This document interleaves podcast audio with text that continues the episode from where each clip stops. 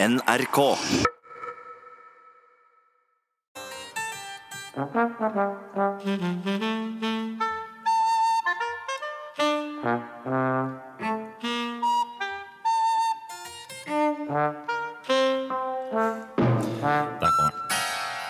Ja. Alle vet jo hva slags program som begynner nå når de gjør denne kjenningsmelodien. For den er det bare vi som har. Vi har fått det til å bli sånn. Men velkommen til Tastepriv med Bård og Harald. Etter to uker så skal vi endelig være sammen med dere på radio igjen eh, i de neste to timene. Med ja, intervjuer bli- og samtaler, kåserier kanskje, Harald? Debatter eh, må vi ha. Taler, kanskje. Et og annet foredrag, til og med. Jeg har lyst på et eh, flaneri. Rett og slett. Hva med en, rett og slett en passiar? Kunne Tablå og litt vanlig pisspreik som vi holder på med nå. Ja. Så um, Vi må si litt om dette med å jobbe på radio. For uh, alle de som jobber med radio, de sier jo at det fine med radio er jo at lytterne må lage bildene selv. det har jeg hørt de sier. Ja, men jeg har alltid følt at dette er noe av det kjipe med radio. At vi liksom skyver kostnadene med å lage bildene på en sånn kynisk måte over på mottakeren. Nei, bildene det får de lage selv. På TV så er det jo sånn at da lager jo vi bildene også. Vi gjør det, Harald. Og våre lyttere er jo seere som for en gangs skyld hører på radio. Så vi bare beklager egentlig at uh, i forhold til TV så er radio på mange måter latskapens medium. Ja, det er det. Og Og kan- neste gang skal vi prøve å sende bilder samtidig ut. Ja, Eller bare si drit i å lage noen bilder, bare hør på hva vi sier. Ikke fantaser noe ting ekstra. Bare for- hør på det. For folk er, Våre seere er, vant, er ikke vant til det, så dere trenger ikke lage bilder. Ikke Kommer ikke til å klare det. Nei, De kommer ikke til å klare det er ikke noe vits heller. Men du, vi, må, vi skal sette i gang med sendingen. Vi har veldig mye rart i dag, siden vi har hatt en liten opphold også. Lena fra Øden på Oslo S kommer naturlig nok. Mm, Og I forbindelse med dokumentaren om norsk rocks historie som går på TV nå, så kommer en av Norges første rockere på besøk, Rockepelle. Det hadde jeg glemt. Det blir veldig gøy. Ja. Og vi skal snakke med hvem i Norge som eh, Hvem i Norge vi helst ville spise av offentlige personer. Ja, det har kommet om. inn masse tips om det, Ja. og vi skal høre et eh, utdrag fra den nye biografien om David Knopfler, som nettopp kom. Det er jo Mark Knopfler, egentlig. Ja, det er det. Mark Knopfler, ikke broren David Knopfler. Ja, det, Ja, i studio så ønsker vi nok en gang velkommen til deg, kringkastingssjef Jon Bernander. Takk skal du ha, Harald Eia. Det, NRK er en bimedial mediebedrift med Mhm. kjerneverdiene veldrevet, velrenommert, etterrettelig, punktlig og kulturbærer. Du er opptatt av sånne ting. Er det flere ting du gjerne vil si om eh, NRK før vi Ja, og så er det visjonene våre. Ok. Eh, NRKs visjon. Søren, var det. Harald, du husker vel NRKs visjon? Hva er NRKs visjon? Det husker jeg, Harald Eia. Nei, jeg, jeg husker du presenterte det som var visjonen vår på et møte, i gang, men jeg, jeg er jo frilanser og følger ikke så nøye med, så kanskje du bare kan Det er notert at du er frilanser, men eh, visjonen er noe alle kan stille seg bak, og det skal være rettesnor for alt arbeid som gjøres i den bimediale eh, kulturinstitusjonen mediebedriften NRK. jeg burde, var, det ikke, var ikke visjonen noe sånn veldrevet og punktlig og et eller annet? Det er kjerneverdien, Harald, og det er ikke visjonene. Det er to forskjellige ting. Få høre visjonene. Du kan de. NRK, din kanal i tre kanaler. Nei, har, det er, Harald, denne visjonen har vi eh, i NRK-styret jobba grundig med. Det, og hvordan kan du sitte her uten å ha en visjon? Altså, det er viktig for deg å ha en visjon. Altså, jeg tror, Harald, at du tøffer deg litt når du sier at ikke du kan visjonen. Ja. Kanskje, kanskje jeg gjør det. Altså, det starta med at jeg tøffa meg, men nå har jeg faktisk glemt den visjonen. Så få høre visjonen, Jon Bernander, til NRK. Visjonen til NRK er Ja. Hva var det du sa? Det er bare sånn din kanal i tre kanaler, men Ja. Visjonen til NRK er din kanal i tre kanaler pluss tekst-TV, Uh, bimedialitet og NRK2. Nei, det, ok. Det, men du har med dagboka di, uh, som du skal lese fra. Det er derfor du er her. Uh, så sett i gang. Ja, det er greit, du, men det må være moro for det, Harald Eia. Med den suksessen Team Antonsen har. Hæ? Enorme seertallene og eh, ikke minst respons fra unge seere, som er viktig for allmennkringkasteren eh, som helhet. Og dette med å skape seervane for NRK, fremtidens seere er nåtidens unge, Harald. Ja, Det var, det var flott eh, formulert. Fremtidens seere er nåtidens unge. Ja, eller de som er gamle nå, var ganske unge i i 1920. ok. Men til den dagboka di. Du var her forrige uke og leste fra, eller to uker siden, og du har vært så grei at du skal lese litt fra dagboka di i dag også. Du, Det skal jeg gjøre. du bor jo egentlig i Kristiansand, men du ukependler hit til Oslo eh, og skriver også dagbok ved siden av holdt på med visjoner og verdier og sånn. Ja, det syns jeg er ålreit, Harald, Eia, at jeg får lese litt i den dagboka. Og kan stille opp. Jeg begynner å lese. Glem meg til å ta jeg så, la det? Ja, Ja, en bitte liten nøkkel. Er bitte liten nøkkel. Ja. Den er så liten den nøkkelen at jeg ler meg i hjel. Jeg begynner. Kjære dagbok, for en natt det har vært. Jeg har vridd så mye på meg at lakenet som jeg i går kveld stappa hardt ned i sprekken på senga, like hardt som kaptein Sabeltann ville gjort det. Ja, det lakenet hadde løsna fra kanten og tulla seg sammen til en vond pølse. Så om jeg lå så, Sånn at jeg lå rett på tisselakenet. Nei, dette var begredelig. Som om ikke det var nok, så var det masse smuler i senga. Jeg tror kanskje det kom fra kapteinkjeksen som jeg gofla i meg mens jeg så på Swiss i går kveld. Danseswiss. De, de smulene gnagde på meg. Prikka på meg, stakk på meg, akkurat som om smulene prøvde å si meg noe. Kanskje advare meg mot noe. Kanskje det var en melding fra selveste kaptein Sabeltann. Jeg vet Harald, at ikke kaptein Sabeltann fins, men dagboka tror at det fins. Jeg hadde svetta veldig i natt, men jeg droppa å dusse. Jeg har glemt Rollon-deodoranten i Kristiansand. Men det ligger fortsatt litt roll-on-rester i armhulene, så hvis jeg dusser, ja, da vet jo du, kjære dagbokstykke, da vil jeg lukte skikkelig svette. Men man kan jo ikke lede en moderne mediebedrift med stresskroppslukt. Jeg svetter i grunn mye mer når jeg i Oslo enn jeg gjør hjemme i Kristiansand. Selv om jeg svetta ganske mye da jeg var i Dyreparken i Kristiansand i sommer. Vi så 70 mennesker oppe i tårnet til Tobias i Gardermoen som sild i tønne. Masse barn og foreldre. Og som meg, da. Minner meg forresten om jeg må skrive det nå, at jeg må huske på fra nye årskortet mitt i Dyreparken. Vet du, det har allerede til tolvte besøket, så har årskortet tjent inn. Er det så Ja. fort, da? Ja. Vel, sto opp og lagde meg en deilig bolle med risbuff. Å, fy søren, den risbuffen. Utrolig hvordan den flyter opp på melken. Selv om jeg trykker risbuffen hardt ned i museet, så kommer det opp igjen. Det flyter jo bedre enn redningsvester. Jeg gruer meg forresten til sommeren. Det er ekkelt når jeg knyter igjen den øverste hyssingen på redningsvesten helt sånn oppi halsen her. Jeg får skikkelig den der eksem oppi hals, halsen her. Les litt i avisen. Først leser jeg fort gjennom avisen for å se om det står noe om Julius. Apen som finner på de merkeligste ting. Jeg husker en gang han gikk med bleie. Jeg har aldri ledd så mye. Så tok han en pinne så og brukte den som stokk. Jeg holdt på å le meg fillete, kjære dagbok. Jeg tror nok fordi at Julius plutselig så akkurat ut som en gammel mann som brukte bleie. Ja ja, da er det kjære dagbok. Jeg har ikke ledd så mye siden jeg så på han tause Øystein i Lille, da. Som aldri sa noe. Og nå mener jeg det. Ikke et ord kom ut av det dumme fjeset og de dumme brillene. Jeg er glad jeg ikke bruker briller. Selv Julius så dum ut med briller. Nå merker jeg at også du trakk på smilebåndet, kjære dagbok. Men du får bli hjemme på hybelen, eller Bananders borg, som vi to har døpt det i en høytidelig seremoni hvor vi helte rispuff og melk oppå hverandre mens vi fniste oss i søvn. Takk, det var veldig fint. Det er helt greit. Det, det var jo ålreit. og Jeg syns jeg bør være såpass at jeg bør, kan lese fra dagboka. Ja, det- Såpass eh, lite høytidelighet har jeg meg sjøl. Det jeg. Og mens jeg er her på ungdomssatsingen P3, du er klar over at det er en satsing? Ja, jeg, At det er det en ungdomssatsing? satsing. Ja. Mm. Kan jeg spørre deg om ting? Kom igjen. Han der tau, tause Øystein, Ja, hva er det med han? Det han? han Har du noen spørsmål, eller er har ikke noe konkret spørsmål. Han er bare så utrolig at han ikke sa et eneste ord. Altså, sa, sa han noe noen gang? Kan det ha vært noe Han må ha sagt noe! Altså, han Han eh, sa jo noe når han ikke spilte den rollen, da. Liksom. Hva sa du for noe? Han sa noe når han ikke spilte rollen som Når han ikke spilte rollen? Takk for at du kom. eh, Nå ble jeg veldig forvirra. Ja, jeg, jeg, jeg skjønner det, men vi kan ta det etterpå. Men Men det er i tråd med, ja, Ja. det er tråd med kjerneverdiene, i hvert fall. Det vi gjorde. Ok. Ja. ønsker alle unge lyttere en god lørdagskveld. Ja. Ja. Ønsker du å sende dagbokstafetten videre til noen? Jeg ønsker å sende den videre til Pål André Grinerud. Han heter ikke Grinerud. Han griner i hvert fall masse. Ja. Den eh, dagboka er nok full av uflaks, så den kan jeg tenke meg å sette fett finne videre til han. Nei, du skjønner at det med Øystein Mm. Nei, jeg kan ikke forklare det altfor komplisert.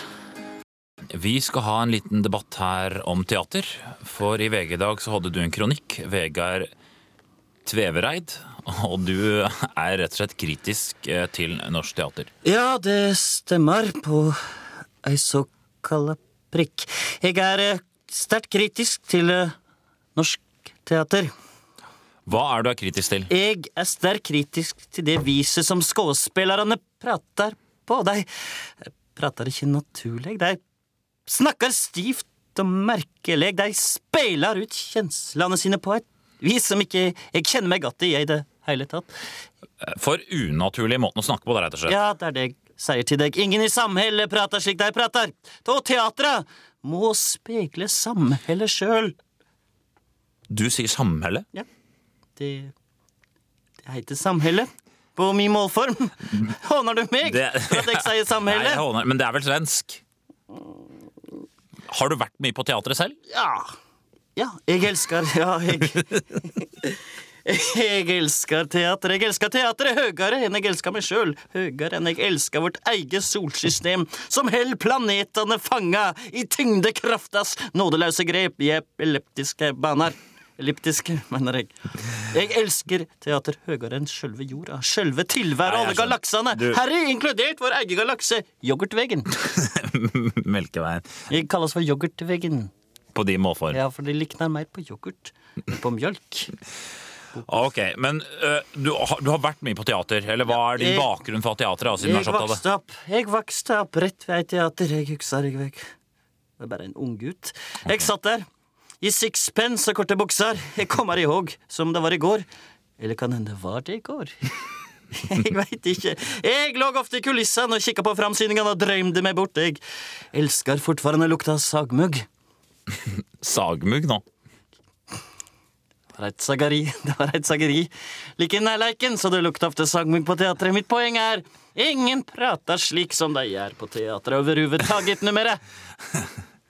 Over huvud taget fortfarande sammenlignumera. Altså, jeg visste at nynorsk ligner på svensk, og jeg har ikke fulgt så veldig godt med i det siste, men nå ligner det mer enn noen gang. Jeg forneker det ikke. Vi kjørte tunnelbanen til Venneren og kjøpte glass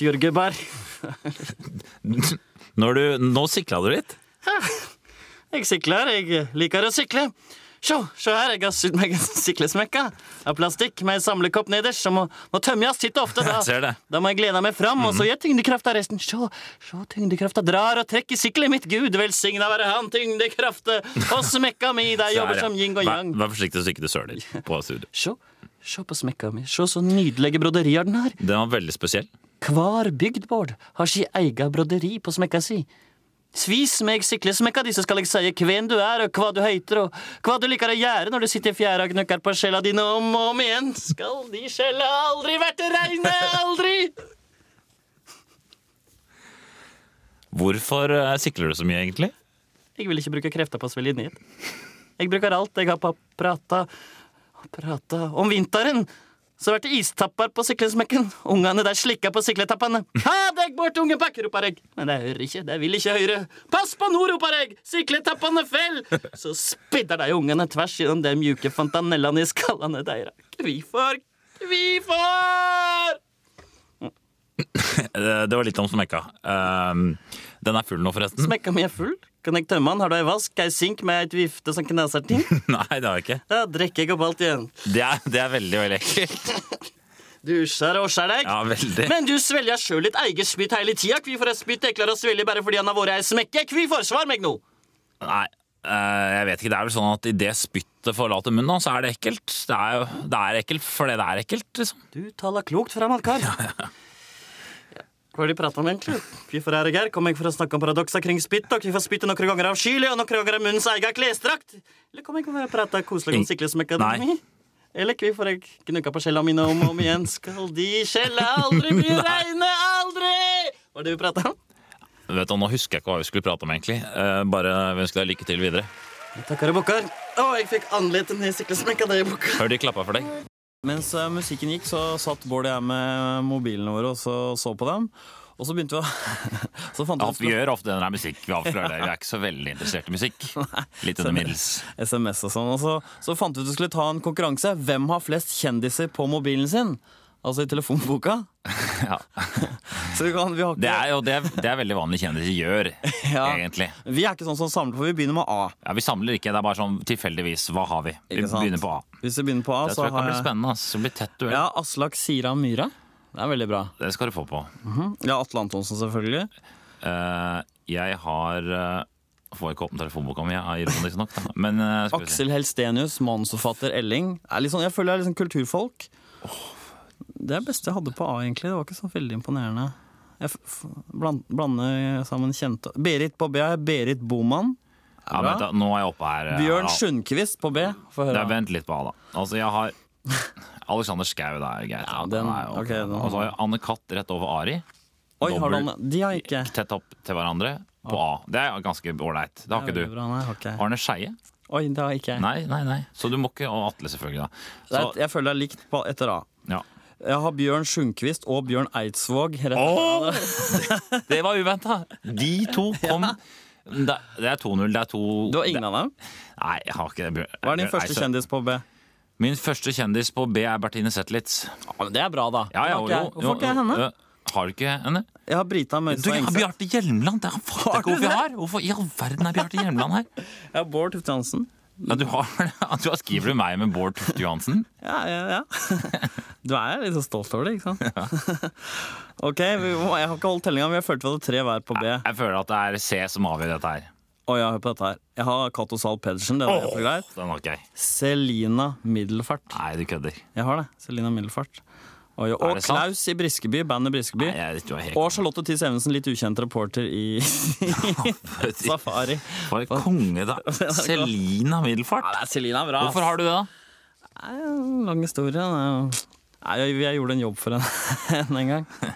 Hva slags ja, jeg skal ikke snakke med jeg. Jeg er bare Charles Halvorsen, ja, du vinner så er overlegent. altså, jeg føler den scenen vant jeg med takk være Christian scenen. Ukjent jazzmusiker. Nei, er Ok, du får få, ta en annen bokstav, da. Eh, Da velger jeg Skal vi se, det blir ikke, jeg har ikke et oversikt her. S, da. Jeg vet jeg mye på S, i hvert fall. S er jeg bra på. Skau Geir. Jeg begynner med Sara Natasha Melby. Oi, oi, oi. Ja, Mellomnivå, syns jeg. Ja, det er jo ikke sånn toppnivå. Jeg har bedre Berit wrestling. Boman, liksom. Ja, det er, det, Shabana Rehman.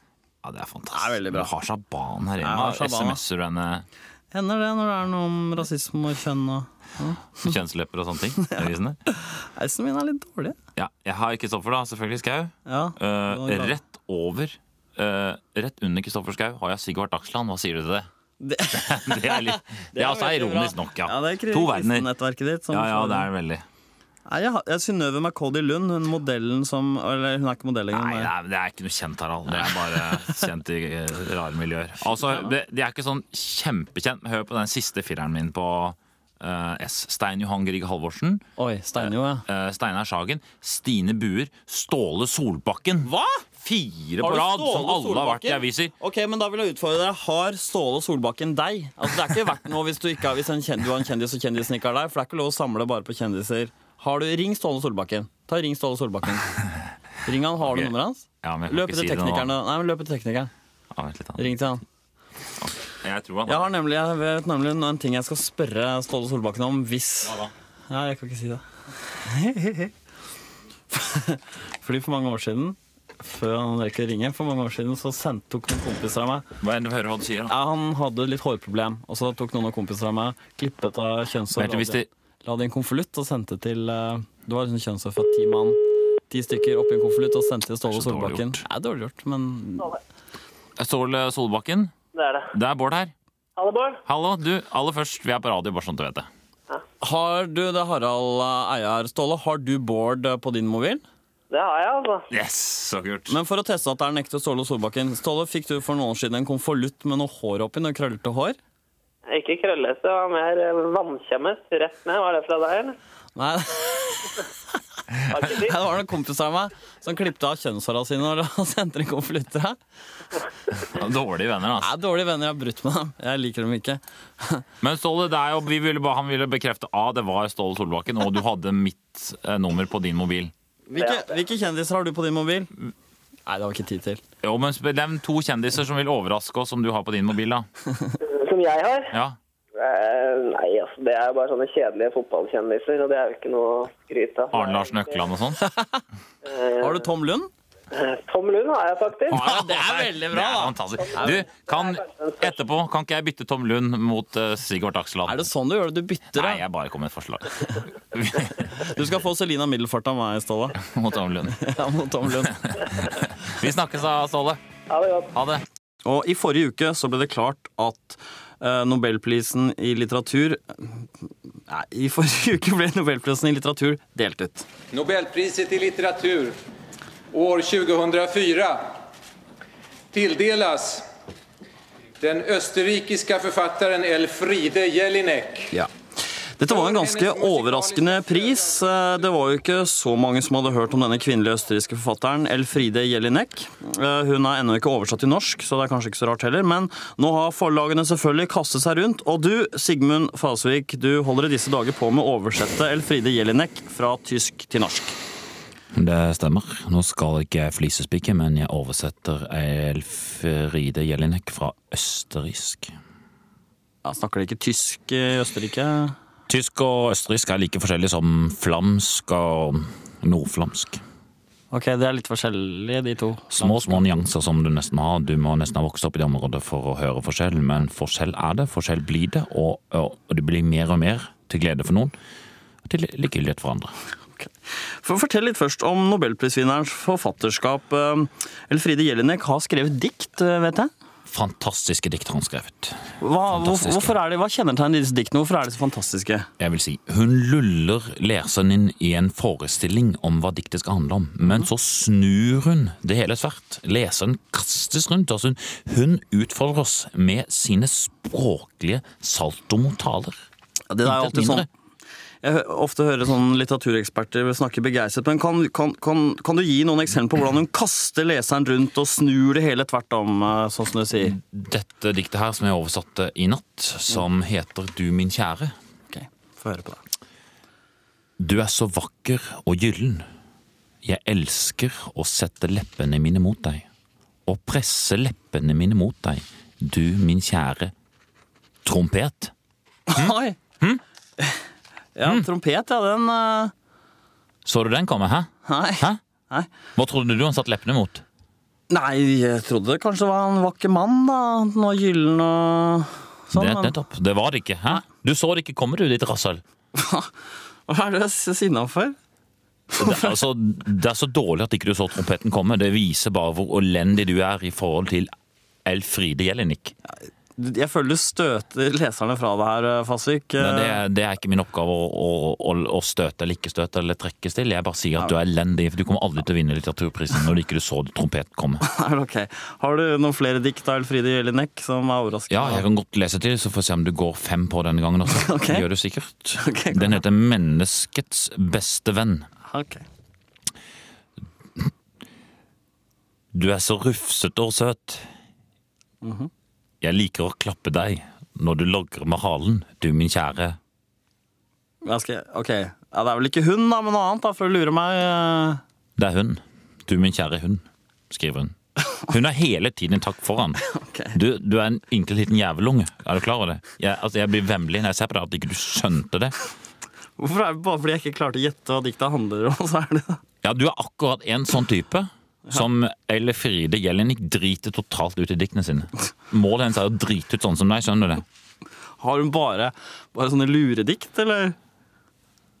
Bare luredikt. Nei, ok. Hun har vunnet litteraturprisen. Har du vunnet litteraturprisen? Nei, jeg har ikke det. Nei, du er Jeg har ikke prøvd det Nei. Eller, nei. Nå må du, du, du får ikke noe Elfrid Jelinek leser lese dette her, og Hun driter deg ut. Men hun har ikke bare gjort det hvis du skal, sånn du skal se på det. Hvis det er sånn ungdomsprogram, så kan jeg godt være med på sånn tabloidisering og bare. Men eh, jeg har oversatt et dikt som heter Rundt treet. Ok, få høre det. Hva er det som går rundt og rundt treet, men som aldri blir sliten? Punktum spørsmålstegn. Spørsmålstegn oppå punktum. Er, det, dette, er dette en gåte? Nei, det er selvfølgelig ikke en gåte, det er et dikt. Kan du gjette? Hva er det som går rundt og rundt treet og aldri blir slitent? Eh, Ekorn, kanskje? Nei, Altså, du er din femiklad du, så- du, er så- du så en stygg femikladd i trynet ditt at jeg får lyst til å grisebanke deg. En ekorn blir sliten bare etter 20-30 runder rundt treet, så det er ikke det.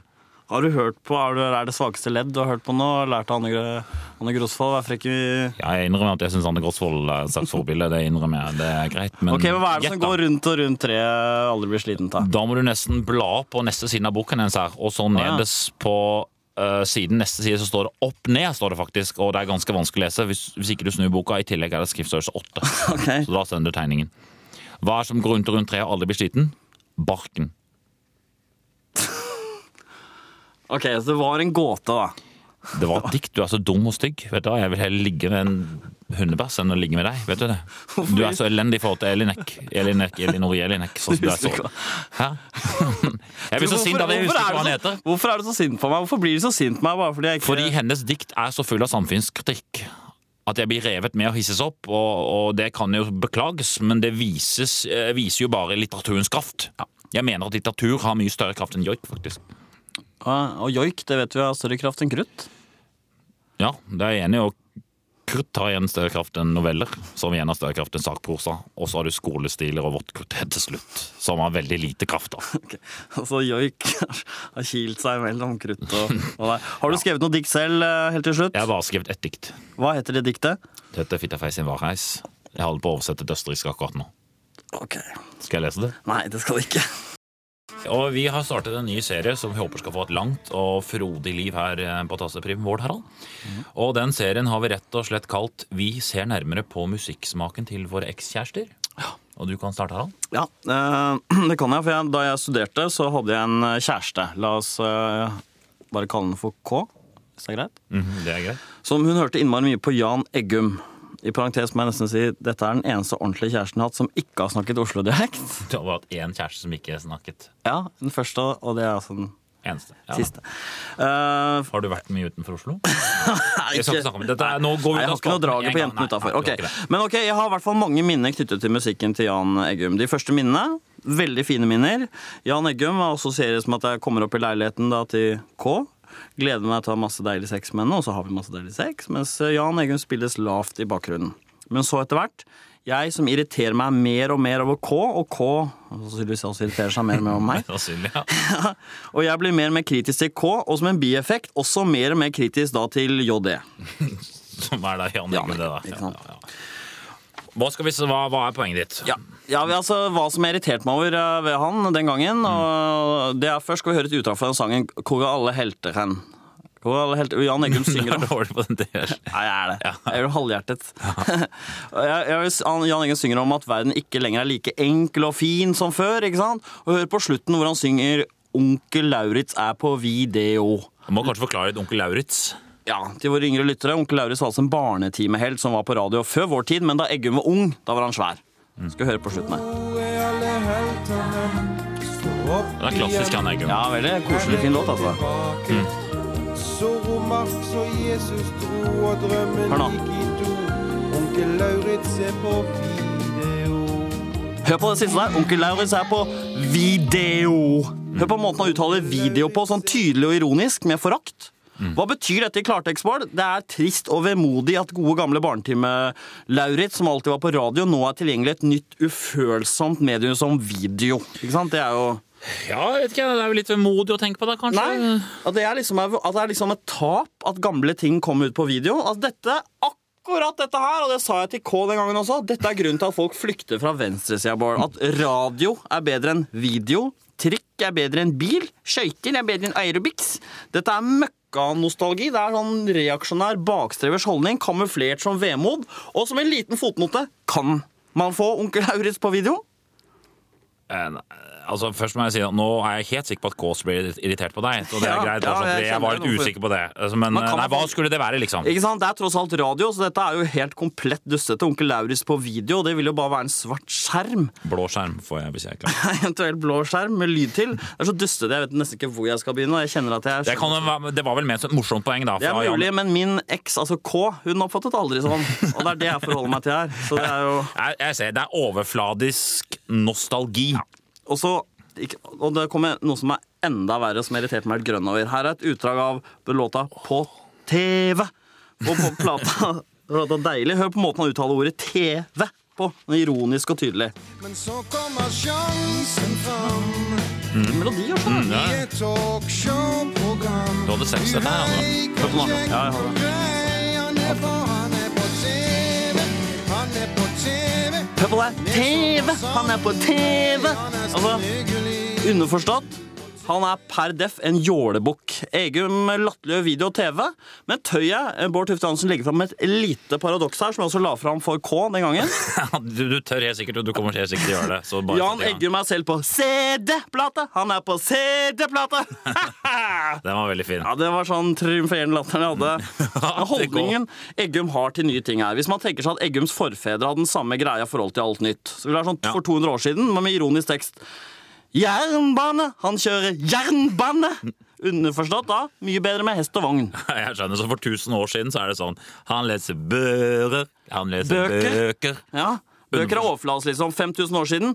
Han har hjul på vognen! Han har hjul på vognen! Nei, slede er godt nok for han. Ikke godt nok for han, nettopp. Ja. Og eller for 500 000 år siden. Han har språk som han snakker med språk! Underforstått. Grynt og stunt. Det er veldig Det er teit. Ikke sant? Så Ja, jeg skjønner. millioner år siden han, Da ville han synge sånn Han går på to bein! Han går på to bein! Nei, Vemodig at han ikke går på fire. Det er det. Ja, han Jeg skjønner, reaksjonær. 365 millioner år siden. Så ville 365 millioner år siden. Dette forutsetter man har fulgt litt med biologiteam på skolen. Han går på land! Han går på land! Ja, Å svømme med finner eller et eller annet i vannet er gått i glemmeboken, Ja. og det er teit. og det Ikke sant? Åh, Det var en nøye gjennomgang av ekskjærestens musikk. Der altså, og Jan Eggum. Neste uke skal du snakke om din ekskjærestes musikk. Det skal jeg. Hva var det hun hørte på? Hun var veldig glad i Øystein Sunde. Ok, Så det blir et eh, kritisk blikk på Øystein Sund neste uke. Er det kjekt å ha? Du skal plukke fra hverandre, eller er det Nei, jeg, jeg synes Da var det kjekt å ha få bruk for en vakker der. Bård, er ikke du fortsatt sammen med hun som likte kjekt å ha? Ja, det er det. For tiden så går det en påkostet serie om norsk rocks historie på NRK1. Dette er jo en kritikerros-serie som er eh, ganske nøye Det er en ganske nøye gjennomgang av norsk rocks historie. Noen mener at dette er en serie som handler litt for mye om de tidligere årene i norsk rock, altså 50-tallet, 60-tallet, og at det er litt rart at man i fjerde program ikke har kommet lenger enn 1962. Men samtidig så har jo dette gjort at mange har fått øynene opp for hvor rik den norske rocketradisjonen er, og ikke minst hvor gammel rocken er i Norge. Og velkommen i studio til deg, Roger Rockepelle Didriksen, en av norsk rocks veteraner. Takk. Takk. Rocketakk. Rocketakk. takk. Rocke, vær så god, sier jeg deg. Rockepelle, eh, veldig koselig at du kunne komme. Eh, Du er jo virkelig en av norsk rocks veteraner, som sagt. Når var det du begynte å spille rock? Det lurer jeg på. Rock'n'roll, fiskeboll, kjøttkaker og fårikål. Ja, det er rockesvar dette her, men eh, du svarte ikke på spørsmålet. Men hvis jeg ikke husker feil fra dokumentaren, så begynte du å spille i 1951. Kan det stemme? Var det Oh yeah! Så det stemmer, Rockepelle. Hva sa du? Er det gitarsoloen til Rockepelle som jeg mener eh, var i din signatur du prøver på der? Um, hvilket Nei, det var trommene. Var det trommene? Ja, greit. Det var trommene. Men det var gitar. Men eh, jeg har lyst til å spørre deg om Hvilket band var det første du spilte i? Bobby Sjaukus. Bobby Sockers.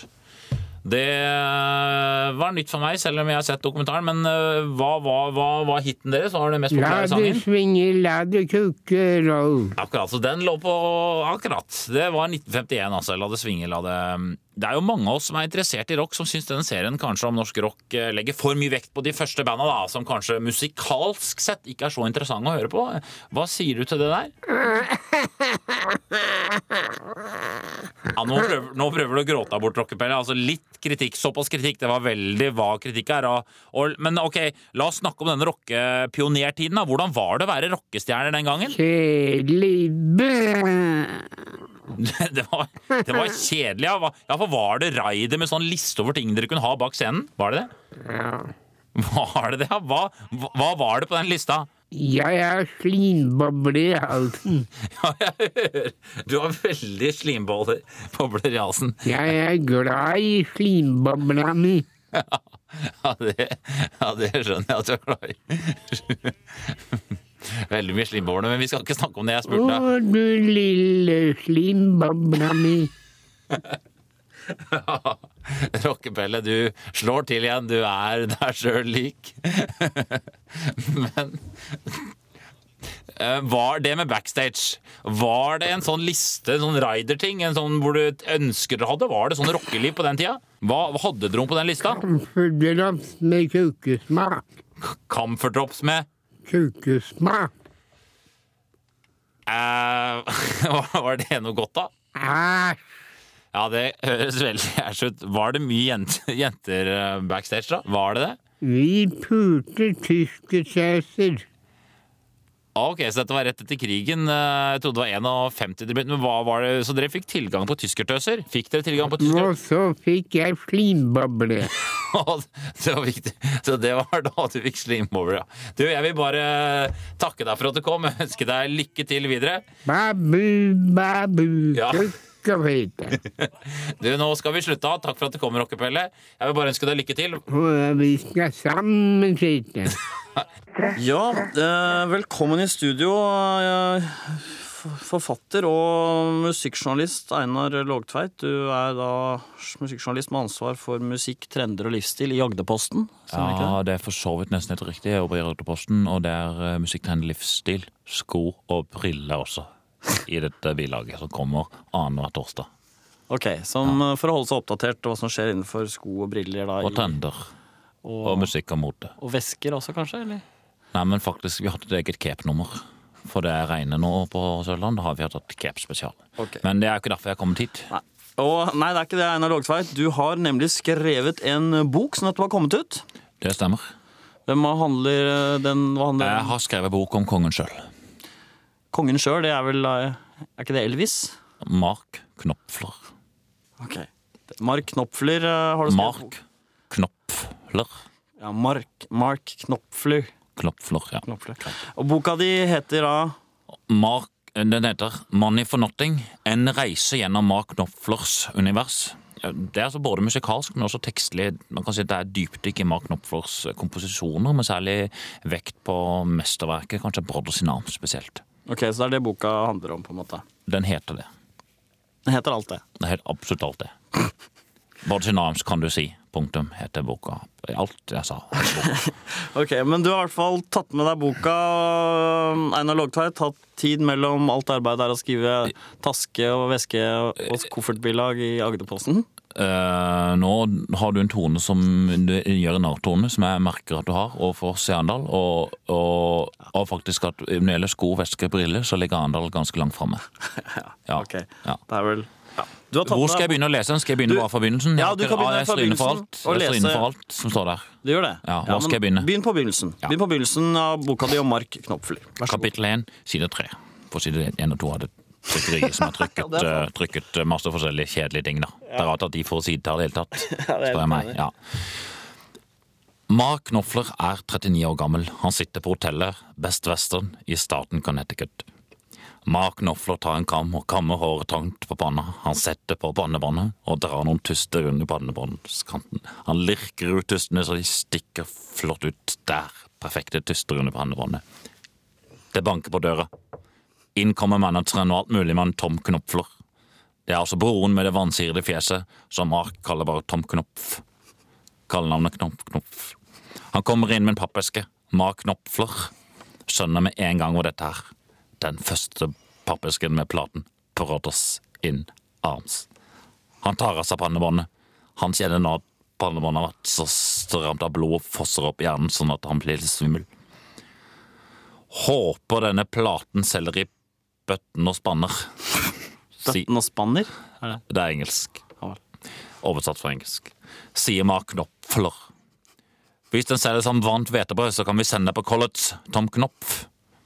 Typisk Mark Knopfler-kommentar, dette her. Det er da Tom Knopf sier det. Det detter ut av han.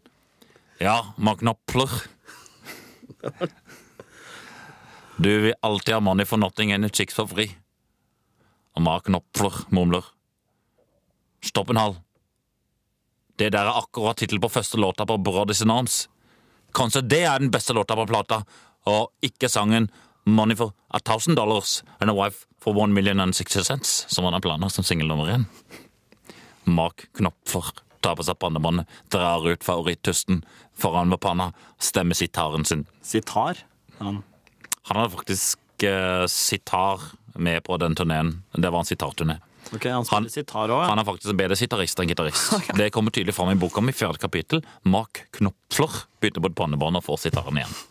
Ok, Einar Lågtveit, eh, et litt personlig Mark Knopfler-spørsmål til slutt. Hva betyr egentlig navnet på gruppa hans Dire Straits? Og det var et veldig bra spørsmål, og det debatteres i Mark Knopfler-kretser, kan du si. Det er jeg og den handikappede broren min som eh, eh, Han Vi tror at Straits, Dire Straits spiller på noe yatzy. Vi tror at eh, du får, Det er nesten som for liten street, bare du får 1, 2, 3, 4, 5 Nei, 1, 2, 3, 4, 6. Nesten, altså. Du får Dire Straits. Sorry, du fikk Dire Straits. Du tapte så det sang. Tror det er det broren min mener, i hvert fall. Det er ikke alltid like lett å skjønne hva han sier. Okay. han er veldig... Det er en av de tingene jeg har lyst til å spørre Mark Knopfler om. Okay. Du vet jo at Mark Knopfler ikke har hans egentlige navn? Er det ikke det? Hva, hva, hva er Mark Knopflers egentlige navn?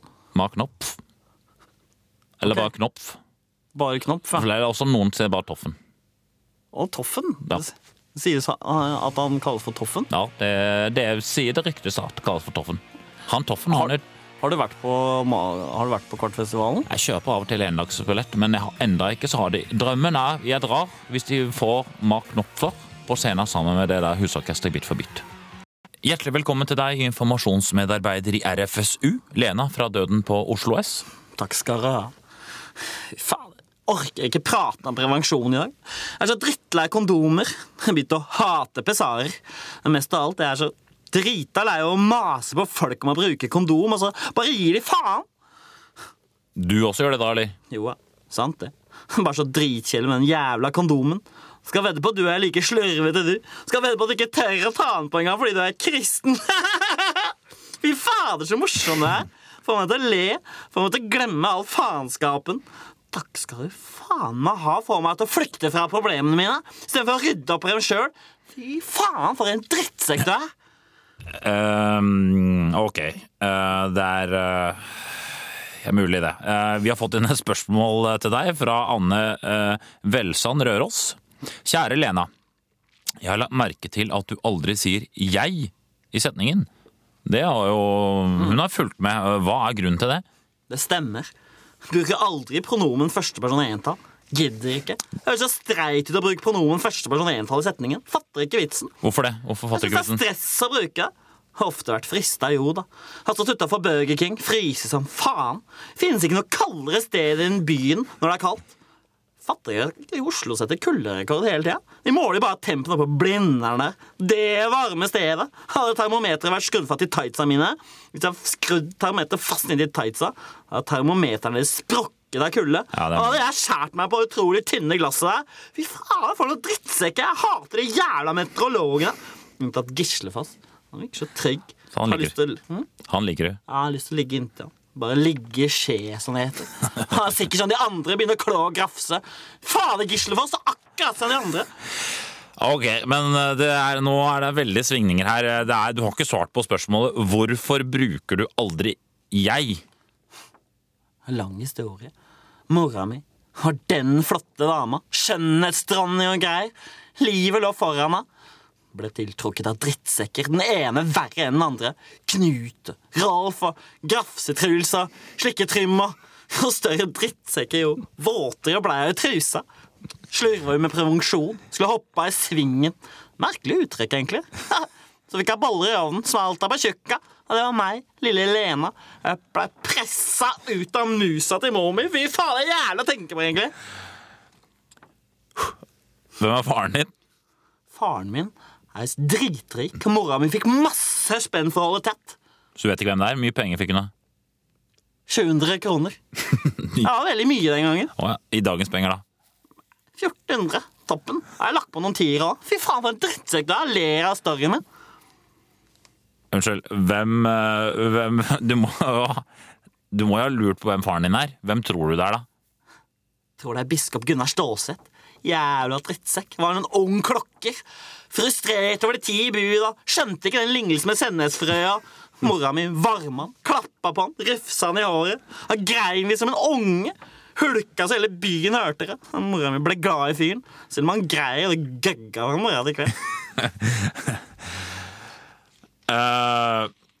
ok, hvorfor Du har fortsatt ikke svart på spørsmålet. Hvorfor kan si, altså, Hva har dette med jeg å gjøre, og ikke å si jeg å gjøre? Du er frekk. Det er ikke som de andre. Går rett i kjernen. Så jeg har lyst til å klø opp meg. Fy fader, du er så dobbeltmoralsk! Jeg kjenner typen. Kristen familiemann det ene øyeblikket. Humanetisk horebukk den andre. Akkurat som Sondre Lerche. Akkurat sånn som han. Hvor, hva har Sondre Lerche med dette her å gjøre? Hvor, hvor kommer han fra? nå? Glapp ut av meg. Skal ha barn med Sondre Lerche. Hvor skal du ha barn med Sondre Lerche? Lille spurve. Trengte seksuell opplæring. Plateselskapet betalte masse spenn. Fader, jeg skulle aldri ha sagt det der når jeg er livsfare. Fatter du ikke? Fy fader i helvete! For jævla kaos! Jeg suger jeg. Nei. Er det. Hvis jeg får en sånn gammel blå papirtier av deg, eller en førstedagsmynt er Jeg du samler på mynter. Samler du på mynter? Jeg kaller meg ikke numismatiker, men jeg samler litt. Jeg har en eske med ting jeg har spart på fra gamle dager, som betyr utrolig mye for meg. Ja, det er sant, for de jenter på kjøret de har ofte sånn liten eske med ting som betyr mye for dem. En dukke eller smykke som ikke har vært noe brev fra faren deres. eller et eller annet sånt. Ja, åssen veit du det? Det med at alle jenter på kjøret har en sånn eske. Er du sånn jente sjøl, eller? det er morsomt. Men det er sant. Vi, vi jenter på kjøret har det. Vi har en eske med ting man har spart på, som betyr dritmye for oss. Minner som viser at vi er mennesker. Det er innmari rørende, egentlig, når vi narkisjentene drar opp eska vår med ballettsko fra vi var åtte, og før vi ramla utpå et kort som mora mi sendte fra Kjøben den sommeren de hadde så jævla bra. Fot av meg sammen med bestefar. Fy faen så rørende det er med sånne barndomsminner og juggel og tegninger som betyr dritmye for uh, veldig Ja, det er rart. Fy faen i helvete! Hva er det nå, da? Kondom og heroin som jeg dreit ut i går i svelgen har hengt seg fast med pølse i brett mellom spise og pusterør. Kan verken puste eller spise når jeg må dra til Trond-Viggo, eneste legen jeg veit om.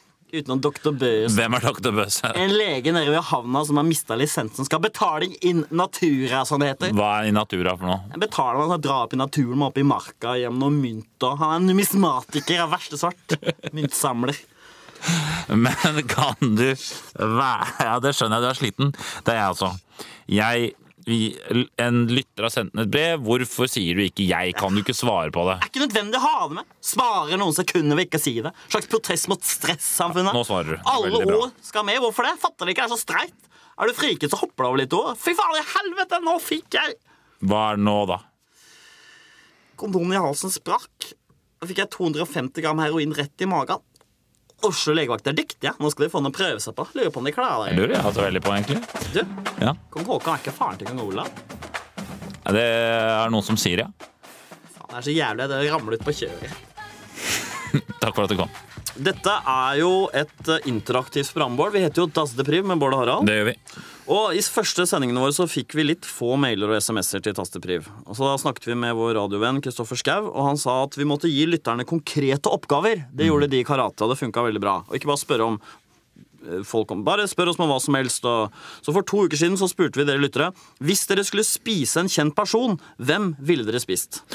Og Kristoffer hadde rett. Det har kommet inn veldig mange svar. Mange som sendte sendt SMS til 1987. Og Kodeordet, Tastepriv. kodeordet tastepriv. Det har de gjort. Og sendt tastepriv alfakrøll.nrk.no. Og vi har fått innmari mange for radio, vil jeg merke. da Ja. Tilbakemeldinger. 36 stykker. Det er veldig mye. Det er storm i radiosammenheng, Bård, men en flau vind i TV-sammenheng. da. Men skal vi gå ut gjennom forslaga, Harald? Ja. Det er veldig mange som sender inn forslag eh, som skriver eh, 'Jeg vil spise Janne Formoe' eller Elin Tvedt eller Idol-Sandra. Mhm. 'Jeg ville ha spist Idol-Sandra, men holdt meg langt unna Sossen Krog'. Hilsen Knut Arne. Mm. Folk eh, virker som blander sammen deilig i gåseøyne, eh, i betydningen deilig og sex og lyst til å ligge med søt og sånn. Ja, Et typisk eksempel Jeg ville spist Pia Tjelta. Hvor og hvorfor man vil spise henne, sier vel mye eh, godt selv. Sier seg vel mye selv, sier Thomas L.J. Stranda. Dette er litt sånn rotete. Ja. altså deilig, og Man må skille mellom disse to tingene. Og jenter også blander sammen disse to tingene. No- Mette skriver Jeg ville nok spist Kristoffer Schau, for han er til å spise opp. Smiletegn. Og han spiser ikke grøt, og jeg hater grøt. Elsker det. Klem fra Mette. Da har du blandet sammen deilig, og Mette skriver også, det er veldig koselig, Harald Eia. For han er bare til å spise opp, og det vet jeg at lillesøsteren min syns også. Ja. Vel, men uh, det er riktig. De Men det, det, så de, eh, som lærer, da. De svarer ikke på oppgaven, på en måte, føler jeg. da. Altså, de, de, de, de, de svarer feil. Kattunger er søte. Hvem vil spise dem? Ja. Noen folk vil det. Men uh, ingen, i veldig få. Men de syns ikke kattungene er søte, tror jeg, da. Nei. Ja. Og så Så- er det noen som er opptatt av mengden mat Det det. på personer. De velger er ut fra som om det handler om at det er på en øde øy, men det har vi ikke sagt på som premiss. Nei, nei, nei. Erna Solberg går selvfølgelig igjen. Sigv skriver Erna Solberg, hun er det mye mat i.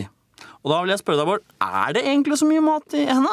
Ja, det kan vi godt komme tilbake til. for De sier altså sånn Tommy Steine, jeg ville spist Tommy Steine, for han vil eh, sikkert smakt veldig fint, og fordi jeg kunne blitt veldig mett, sier Trond I.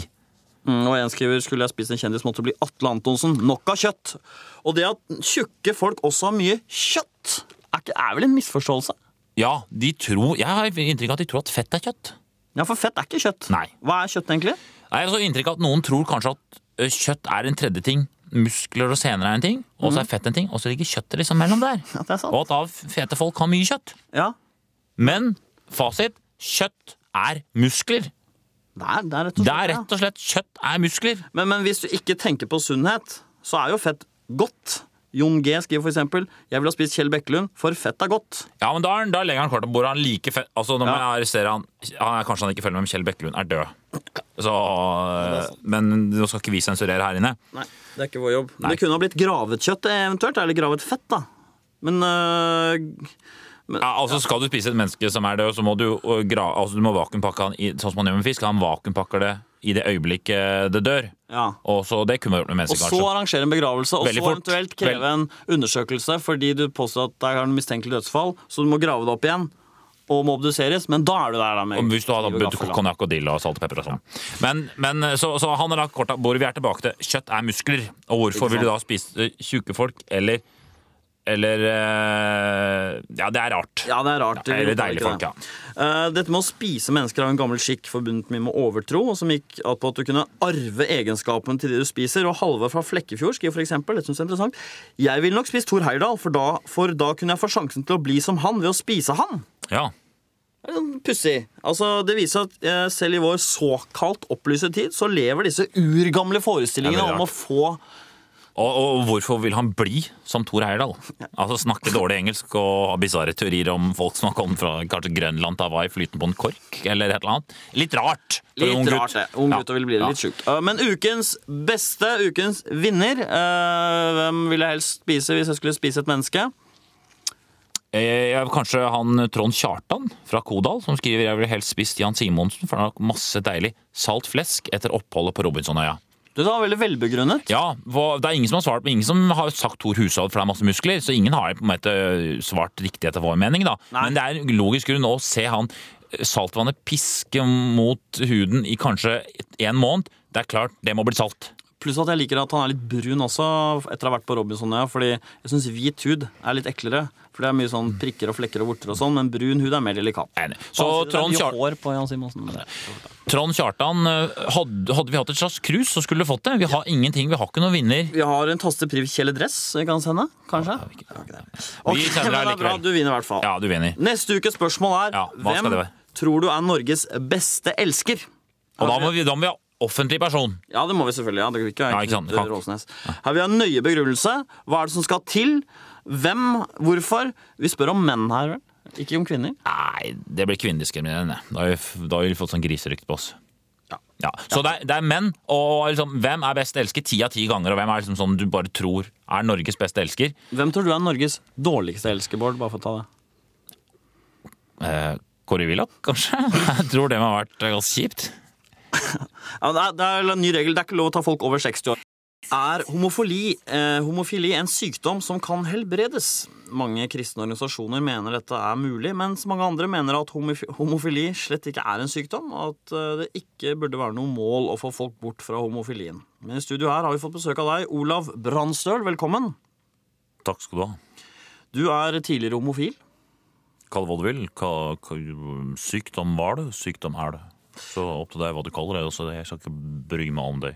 Ok, du er, eh, du er altså da blitt helbredet og blitt eh, heterofil, men du var homofil. Ja, det stemmer. Jeg likte tidligere menn, stramme menn, veltrente menn, både yngre gutter og også eldre menn, med mye karakter og erfaring, og kjekke menn. Og du, du hadde også et ganske aktivt seksualliv. Ja, jeg hadde nok flere seksualpartnere enn de aller fleste heterofile menn. Det Hvor mange kan det dreie seg om? dessverre var nok veldig mange. Jeg var nok veldig syk. Det var mange. Jeg var veldig, veldig syk. Jeg var nok en av de sykeste i landet, sånn sett. Så Det var veldig mange. Men du, dette hadde du stor glede av da mens du var uh, homofil. Ja, hva skal jeg si? Sex er jo noe fantastisk. Det er en gave, men uh, da er det slutt på det livet. Det rett og slett slutt på det livet. For du er, du er helbredet nå, for nå har du altså giftet deg Gift, ja. med en kvinne. Ja, selvfølgelig. Jeg er med en kvinne, ja. Og du har det bra nå? Veldig, veldig, veldig, veldig, veldig bra nå. Flott. Det er kanskje litt privat, men eh, har du ofte sex med kona di? Vi har to barn. Ok, så dere Nettopp. Vi har to barn. Du har, eh, du har jo gjennomgått en stor forandring. Eh, Nå er du jo veldig maskulin, Ja vel. Synes jeg. Det, du kaller det hva du vil. Jeg er en mann. Ja. Ja. ja. mann. Sånn er det. Nok av det. Sånn er jeg. Ja, du er jo, Før var du mye mer feminin nordlending. Jeg har hørt du- opptak av deg på en kassett. Da snakket du med sånn S, jeg var med i skrullete. Ja, det stemmer det. det. Jeg var sjuk. Må ikke glemme det. Jeg var sjuk. Jeg Og så tøff eh, heterofil og skrullete homofil. Det er, altså, det er jo kanskje ja, Det er kanskje noen av de to grøftene man kan falle i når man er nordlending. ja, det er vel eh, Det virker som det er sånn at enten det ene eller det andre Ja, Det er ikke noe vei imellom, på en måte. Nei. Det er bare to grøfter å falle i. Så det må vi leve med der oppe. Det er ikke noe annet å gjøre på. Men, men du forklarer lytteren dette her. Er det, er det virkelig så enkelt at man kan gå fra å tenne på menn til å tenne på kvinner? For jeg, jeg føler kanskje at det å like menn og det å like kvinner er på en måte to fundamentalt ulike typer ting. Hva, hva syns du eksempel om kvinnekroppen før, da du var homofil? Da jeg var syk. Ja, da du var syk. Ja. det? Eh, Kvinnekroppen var jo også, jeg oppfattet den som myk og glatt og deigete. Uten kraft og slapp. Altfor stor. Eh, ekle boller, ekle bryst, for myk, for myke linjer. Jeg, jeg ville ha noe hardt og sterkt som eh, fikk meg til å føle meg svak og beskyttet. Okay, så, Men det, alt dette her hadde jeg skrevet ned. Jeg husker det egentlig ikke. og du husker ikke noe Nei, nei, jeg skrev det på en lapp. Ok, du har, har en Det er, det er fjernt. Jeg leser bare fra lapp. Det, dette må du huske. Hvis noen spør deg en gang om hva kvinnen er. Dette var før. Dette var før. Hvordan, hvordan har du det med kvinnekroppen nå? Det vakreste som fins. Ferdig med den saken. Ok. Men du sa til meg før sending at du sover dårlig om natten. At eh, kona di våkner opp om natta, og at du ligger hulkende ved siden av henne. Så eh, ja vel. Hvem er det som ikke hulker litt om natta? Jeg rekker opp hånda de som ikke ligger og tenker på hvordan ting burde ha vært, og hulker litt om natta. Ja, ja, ja, jo. Du rekker opp hånda, ja vel, men da har du unntak som bekrefter den regelen. Ok. Ja, du nevnte også til meg før sending at når kona di gjør seksuelle tilnærmelser til deg om kvelden, så blir du sint og roper 'gå vekk, la meg være i fred', og så løper du inn på do. Ja, ja vel. Det stemmer for så vidt. Hvor var det du vil nå? Eh, Du fortalte meg også før sendinga at når kona di har sovna, så ligger du stille stille ved siden av henne og tenker forbudte, forbudte tanker mens Det du var masturberer hardt. da voldsomt hvor mye vi snakket om før sending, da. Ja, vi gjorde det. Ok, Men ja. det stemmer alt dette. ja. Takk for at du kom i studio, mann som er blitt eh, kurert av sin homofili. Ja. Det er... Kan du bestille drosjebil til meg? Aller helst karaoke-taxi. Oi, Hva hva var det? Glem det, det var bare øh, den andre grøfta jeg datt i der. Ja, Der datt den andre, den gamle Den grøfta. gamle grøfta. Det er kort vei med grøftene. Ja, Det er så veldig kort vei mellom de grøftene. Det er ikke noe vei i det hele tatt. Det er to grøfter som Det er jævlig, rett og slett. Takk for at du kom. Det var veldig hyggelig. Kom til karaoke-taxi nå, eller? Nei, nå var det, var det veldig kort vei nå. Jeg syns du er søtest, uh, jeg. Har du lyst til karaoke-taxi med Ja, jeg har lyst til det. Jeg kjenner jeg har lyst til det. Holde rundt deg. Jeg har ikke lyst. Nei, Kunne ikke tenkt meg det. Jeg har lyst til å gå hjem. Ja, du har Eller goped, rett og slett, har jeg lyst til å bruke. Goped? Ja, ja. Det er maskulint. Det er fint som fins. Du er et plaget menneske, så forstår Det skal handle om spiseforstyrrelser, for den siste tiden har det vært store interne konflikter og mye uro i Norsk eh, spiseforstyrrelsesforening. Denne foreningen som organiserer eh, mennesker med spiseforstyrrelser som anoreksia, bulimi og andre typer spiseforstyrrelser. Og konflikten den begynte etter at du ble valgt til formann i Norsk spiseforstyrrelses, spiseforstyrrelsesforening, Jørn Nymoen. Ja, jo, det er vel grovt sett riktig det du sier her. Så Du, du, du har jo selv en spiseforstyrrelse. Du lider ikke av anoreksia eller bulimi. Nei, det stemmer. Det, det gjør jeg ikke. Ingen av de to. Du lider av noe som heter matintoleranse. Ja, det gjør jeg. Matintoleranse det er en eh, sykdom som i hovedsak rammer menn mellom 20 og 50 år. Og Forskerne er usikre på hvorfor, men det er ofte menn som bor alene, eventuelt bor hjemme hos foreldrene sine. Og vi mener at over 100 000 menn i dag lider av matintoleranse. Hva- er matintoleranse, eller hvordan arter det seg? Det kan variere fra person til person. Jeg kan bare snakke for meg sjøl. Jeg kan ikke spise løk, kan ikke spise dressing, kan ikke spise salat, kan ikke spise Ikke fisk, selvfølgelig. Jeg liker ikke saus. Hva sa du nå? Jeg sa øh, jeg liker ikke saus. Hva mener du med det? Jeg Orker ikke spise det. Jeg får ikke ned, rett og slett. Jeg, jeg, orker ikke. Hva skjer hvis du får servert eksempel gravlaks? Æsj, gravlaks. Æsj. Hva, hva gjør du da? Jeg sitter bare og pirker i det. Du rører ikke? Nei, nei, nei. Vet du hva? Det for meg høres ut som uh, uh, du er veldig, veldig kresen. Altså, det der, det der er en fordom. Det der visste jeg du skulle si. Derfor så har vi laga en brosjyre, se her. Kresen, nei, matintolerant. Ja. Se her. Vær så god. Ja, jeg ser det. Uh, se her, ja. Det er et bilde av fiskepinne med masse ketsjup på. Ja, det stemmer. Vi har uh, fiskepinne med ketsjup. Ketsjup er redninga for mange av oss med matintoleranse. Foruten ketsjup så ville vi ha lidd forferdelig. Og dette er nettopp et av våre krav. Ketsjup på resept. Så driver vi Heinz ketsjup på blå nei, resept. jeg liker ikke Æsj, æsj, æsj. Jeg liker ikke Heinz. Synes det. Jeg liker bare Idun. Æsj, Heinz. Jeg blir kvalm bare av å tenke på det. Så men det er altså noe du kan spise. Ja, men uh, matintoleransen min er ganske tøff. Men jeg har funnet ut, gudskjelov, at jeg kan spise pizza Grandiosa. Jeg okay. kan spise popkorn. Jeg kan spise speilegg hvis det er stekt på begge sider. Plommen må være helt fast, og gjerne delt opp i bitte små biter og ketsjupprekk på hver eneste lille bit. Så dette er matintoleranse. Men uh, la oss gå tilbake til Nå har jeg fått innblikk i det. Hva er denne konflikten består i? Ja, Det begynte med at vi i Norske spiseforstyrrelsesforening skulle ha et seminar på Bolkesjø. Og da er det jo vi som har matintoleranse som har mest guts og energi å gi for de andre grupperne, de anorektikerne som slapp, og bulimikerne de er så har nok med sitt. Så vi fikk ansvar for serveringa da. Hva var det dere serverte? Vi ordna uh, figurmakaroni. Makaroni som har forskjellige figurer. Det kan være bi, det kan være en bamse, det kan være ting Ting gjør det morsommere å spise, med en liten ketsjupprikk på hver eneste, selvfølgelig. Dette har vi lagt, lagt fram. Hva skjedde da? Altså, her har vi stått og kokt figurmakaroni hele natta, så kommer de der anorektikerne. Står der og kikker på figurmakaronien, og liksom pirka Jeg ble så forbanna. så Hva jeg- gjorde du? Jeg kalte en spade for en spade, og så sa Altså, du! Liker du ikke figurmakaron med ketsjup? Herregud, du må da kunne spise satter i helvete! Fordømt anorektikere! Så tok jeg tak i anorektikerne, holdt henne fast, stappa figurmakaronen med ketsjup ned i halsen Ja. på henne. De må lære seg litt folkeskikk. De må lære seg Og bulimikerne Eh, hva gjorde du med bulimikerne? de, de, de spiser jo, de er ikke lure, så kaster de opp etterpå. Så jeg, vi tok oss, de, de, de spiste, og da bandt vi hendene deres bak på ryggen, så de ikke skulle stikke fingeren i halsen. Så, det, så de fikk i seg litt makaron, og så ble de så sure. De ble så sure, de her anorektikerne. Og da sa vi til dem feite megger, bare for å gjøre, gjøre verre for dem. Du høres ut som et veldig uh... De er noen sippete skranglebein. De har jo ikke noe egen brosjyre engang. Nei, de har det ikke. De kal Ja. Vet du hva, jeg syns du skal uh, rett og slett eh, Ja, hva skal du gjøre? Jeg syns du er et uh... Jeg likte forresten ikke noen mat i NRK-kantina. Eller jeg, jeg, jeg er intolerant på den. ja, du, du spiste ganske mye allikevel. Ja, jeg spiste, jeg spiste, ja, jeg spiste masse pølser. Og, Men og, så spiste en... og så spiste du en hel pose med bamsemums. Ja, men jeg lot lompene ligger igjen. Liker ikke lompene. Det blir sånn, litt sånn rift i dem. Liker ikke det. Eller til intolerant, mener jeg. Jeg sier liker ikke. Nå sa du kresen. Nei, jeg sa aldri kresen. Du sa liker ikke. Ja, jeg sa feil. Jeg er intolerant.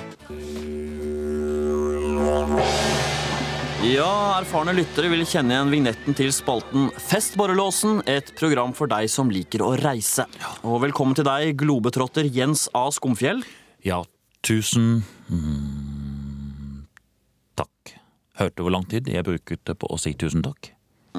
Ja, du nølte litt. Ja. Det er fordi jeg har vært så mye ute og reist at jeg må oversette i hodet mitt. Eh, Jeg tenker ikke norsk, jeg tenker et fremmedspråk som jeg translanterer inni hodet mitt. Men dette er jeg vant til, dette skal ikke du bry deg om. Dette er eh, globetrotterens selvpåførte lodd. Jeg har lyst til å spørre, Hvilket språk er det du tenker på nå? Hva er tenkespråket ditt nå?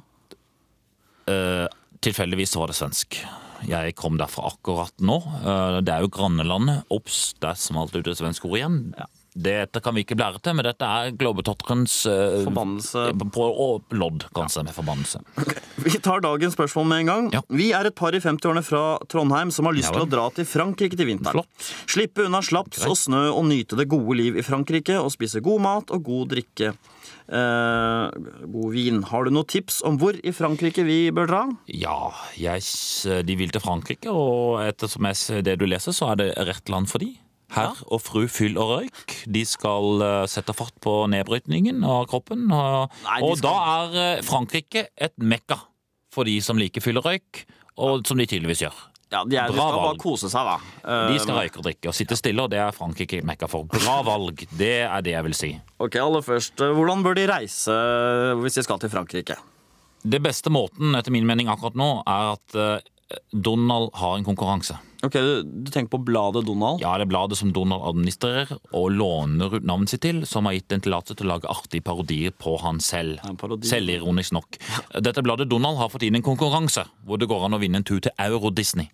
Nettopp, som ligger i Frankrike. Og Hva slags konkurranse er det Donald har? Det er en konkurranse for barn, Ja. så her er det store sjanser for å vinne. Du skal tegne deg selv og hva du har lyst til å gjøre i Euro-Disney. Aha. Så, så lenge de ikke tegner fyll og røyk i tegningen, De er ikke noe så vinner de den konkurransen. Voksne kan også vinne Det er bare å utgi seg for å være barn. Ideelt sett, idealalderen seks år. Og når du skal reise, så sier, sier du at barn har blitt syk. Og det er jo lett for de å si at barn har fått eh, lungebetennelse av passiv røyking, f.eks. Ok, Så det funker. Det går an Ja, eller at du du har slått det i fylla. Et eller annet. Ja. Er- Dette er livsnytepar, ikke et og... Jeg vant selv en tur til Liseberg etter en konkurranse i bladet Bamse, verdens sterkeste bjørn, hvor man skulle finne en skjult honningkrukke. Og jeg fant etter ti sekunder, og vant en flott tur til den mystiske havnebyen Göteborg. En havneby du blir merket av resten av livet hvis du drar dit. Fantastisk. Ja, ja. Kan få prøve. Til Frankrike. Altså, Flyet lander i Paris. da. Hvordan skal man komme seg videre derfra til vindistriktene? Ja, Fine i farta, øh, og med litt røykoste, så er det bare å gå øh, ut av flyplassen og finne seg en sykkel. Det er gratis sykler opp på bilene. Eh, Hvor har du det fra? Og hvis du øh, får, øh, får problemer med sykkelen, så stopper det bare biler og gir deg nye sykler i farta. Gra gratis sykler oppå biler og får gratis Dette sykler? er så et program på TV som heter Frankrike Rundt, som er et reiseprogram om å sykle rundt i Frankrike. Kan det ha vært Tour de France du har sett på? Jeg sier at det er et reiseprogram om noen unge menn som syklet i flokk og jublet hver gang de kom fram til et sted. Eh, Særlig kom først fram, for de kom først inn og fikk lov til å drikke og røyke. Og drikking Så- og røyk. Så sykling er altså tingen for Trondheimsparet. Ja, selvfølgelig.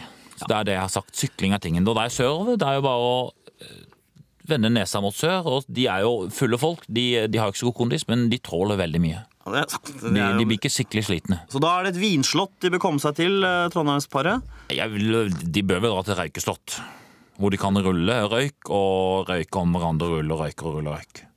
Ok, men uh, de har lyst på vin. Er det noen vindistrikter du vil anbefale? Distrikt, altså Det er like mye god vin i drabantbyen. Du trenger ikke dra ut i distriktet for å få god vin. Altså De har de butikkene i byen, og det er jo et distribusjonssystem. Ja, de har jo det. Uh, så skal du lese avisen, trenger du ikke dra til trykkeriet. hvis du Nei, skjønner. det er riktig. Det er et godt poeng, det. Ja, Det er et veldig godt poeng. Hvordan eh, skal de komme seg hjem igjen når de har vært her et par uker? Hvis de er forsikret, de europeiske, så skulle ikke det være noe problem. Etter noen uker så har de eh, herre for fyll og røyk sikkert pådratt seg en eller annen svulst. Noe annet ville overrasket meg veldig. Og da er sikrer europeiske gratis flyreise hjem, og da er det bare å sørge for at de blir transportert i et sånt åpent helikopter som amerikanerne brukte i Vietnam. Hvorfor et sånt åpent helikopter? Da kan de røyke på veien hjem. Selvfølgelig. Det er lov å røyke i Det er så åpent at går bra. Takk for at du kom, Jens A. Skomvold. Eh, Tasse Priv med Bård og Harald er forbi. Vi takker Mats Borch Bugge, som har funnet fram fra musikken. Håvard Mossing med tekstbidrag. Stein Gjøran bak spakene. Joran hjalp Larsen ut og inn. Takk for at du hørte på. Vi er tilbake om en uke. Ha det bra.